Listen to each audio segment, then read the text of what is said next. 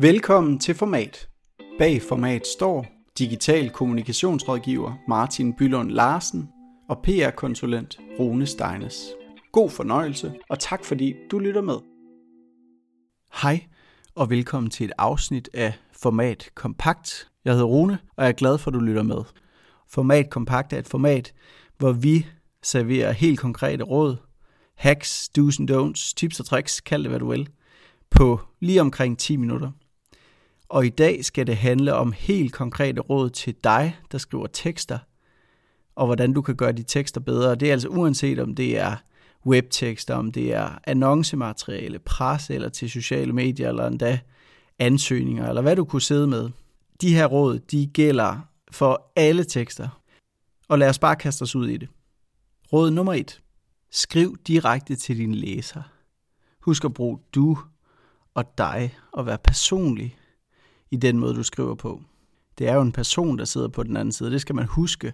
Nogle gange så kan man godt komme til at tænke på sin målgruppe som en eller anden masse, der sidder på den anden side. Men du skriver jo til den enkelte person, så derfor så tiltaler du selvfølgelig også den person, du og dig, ligesom du vil gøre i en samtale. Tal direkte til personen.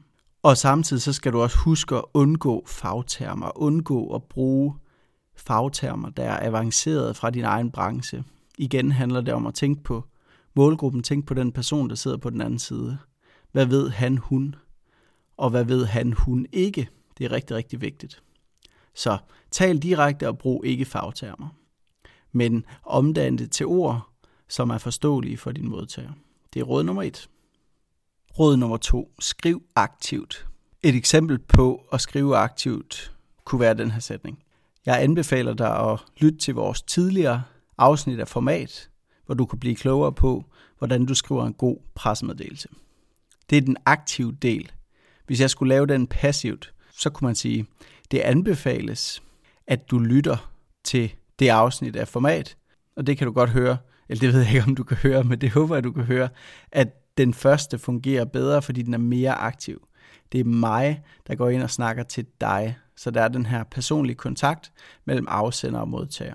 Og en tredje og mere gral i mine ører vil være, anbefalingen er at lytte til podcasten. Og der sker der simpelthen det, at jeg anbefaler, altså udsangsordet, lige pludselig går hen og bliver til et substantiv, altså et navnord, anbefalingen.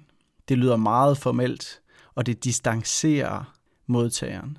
Så derfor skriv aktivt og tænk i jeg som afsender og du som modtager, så du taler direkte til modtageren og direkte til din målgruppe, direkte til den person, der sidder på den anden side og læser din tekst.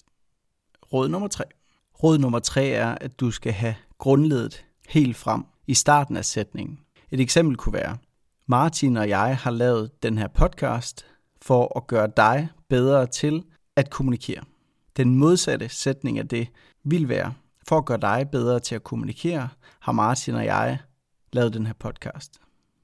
Eksemplet er måske ikke super godt, fordi begge dele kan fungere, men du kan godt forestille dig, eller det håber jeg, du kan igen, forestille dig en sætning, hvor den første sætning, altså det vil sige, inden man kommer til grundlaget, er meget længere og meget mere kringlet. Og derfor vil du sidde og vente på pointen, og det er simpelthen en dårlig læseoplevelse. Så derfor, helt frem med grundledet, hvad er årsagen til, at den her tekst den er blevet til, og hvorfor skriver du det her? Råd nummer 4, og det her det er en af mine kæpheste. Vær konkret og ud med fyldeord. Fyldeord er, som navnet antyder, ord, der fylder, og som ikke giver nogen værdi til din tekst. Det er typisk meget, mange, en masse, rigtig meget, virkelig. Hvis du vil sige, format er en virkelig god podcast, så tilføjer virkelig ikke noget til den sætning. Du kan sagtens sige, format er en god podcast, og så har du fået din pointe lige så fint frem. Hvis du vil sige, format tager en masse spændende og interessante emner op, ud med en masse.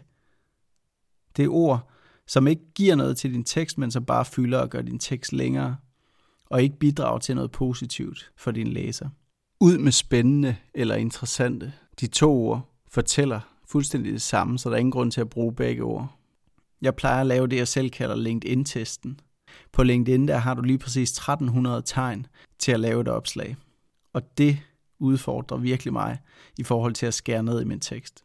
Det er meget konkret, fordi jeg har de her 1300 tegn at arbejde med, så derfor så fylder jeg teksten ind i feltet, og så går jeg ellers i gang med at klippe en hæl af kappen to. Og det er altså tit en masse af de her fyldeord, som ryger ud, fordi det ikke giver noget godt til teksten, og fordi at jeg finder ud af, at jeg kan udtrykke det samme uden de her ord. Det kan jeg anbefale, hvis du har svært ved at korte ned i din tekst, så læg det ind i LinkedIn i et opslagspost. Du behøver ikke at lave opslaget. Eller bare beslut dig for, den her tekst, den skal kun være x antal ord, og så gå ud fra det. Det er en rigtig god måde at tvinge sig selv til at skære i teksten på. Og du vil helt sikkert opdage, at du godt kan få den ned på det antal tegn, uden at det mister betydning. Og i sidste ende vil din tekst faktisk blive bedre. Hov, lagde du egentlig mærke til, hvor mange gange jeg, i det jeg lige har fortalt dig, brugte ord som masser og mange, uden at det egentlig tilføjede noget til det, jeg fortalte dig. Hvis du skal være helt ærlig, så lagde du nok ikke mærke til det. Gjorde du det? Det er derfor, det er så svært, når vi sidder med teksterne, fordi at det er talesprog at bruge de her fyldord. Derfor overfører vi dem også til vores tekster. I talesprog, der lægger vi ikke så meget mærke til dem.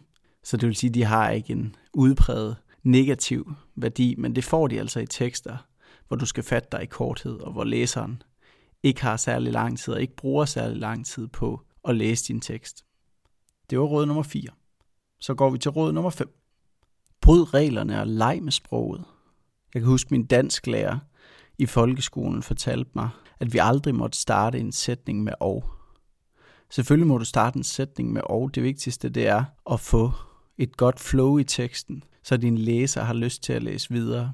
Og det kan du sagtens gøre ved at starte en sætning med og. Du kan også gøre det ved at lege med dit sprog og lege med din sætningsopbygning.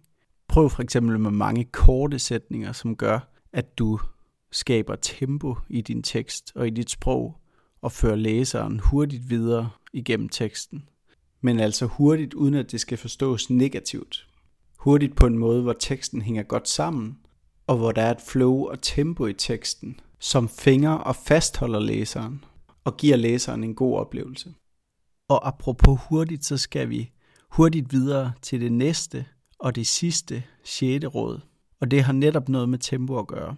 For efter internettet for alvor brød frem, og vi begyndte at læse mere og mere på skærme, så læser vi mindre og mindre, og vi har mindre og mindre tid. Vi fordyber os mindre og mindre, og derfor så skal teksten være kortere, mere konkret, som jeg også har sagt i de foregående råd, og samtidig så kan man i selve teksten gøre ting, der får teksten til at virke mere overskuelig for din læser. Så vær hyppig med brug af afsnit. Lav gode overskrifter, som teaser og fortæller, hvad teksten handler om, og giver læseren lyst til at læse mere. Og brug underoverskrifter i dine tekster, der på samme måde er ægne i forhold til, hvad handler den her tekst om. Så tænk over det, samtidig med, at du i din sætningsopbygning bruger de her korte sætninger, og ikke bliver for kringlet i dit sprog, men så du skriver til målgruppen. Nu er jeg ved at opsummere alle rådene, men gå tilbage og lyt dem igen. Og så håber jeg, at du fik noget ud af det her format kompakt afsnit. Hvis du har spørgsmål til Martin eller spørgsmål til mig, så find os på LinkedIn. Hvis du vil have flere konkrete tips og tricks til, hvordan du kan lære at skrive bedre, så kan jeg anbefale flere af vores andre afsnit. Der er et par afsnit om pressemeddelelser, om hvordan du kan opbygge pressemeddelelser og blive bedre til det. Helt konkrete råd også. Samtidig er der blandt andet også fem tips til, hvordan du kan skrive bedre opslag på Facebook. Det var alt for mig. Jeg håber, du kunne bruge rådene, og at vi lyttes ved. Tak fordi du lyttede med. Vi håber, du fik nogle konkrete råd, du kan bruge i dit eget kommunikationsarbejde. Hvis du kunne lide det, du hørte, må du gerne give os en anmeldelse eller dele videre til en anden. Vi lyttes ved.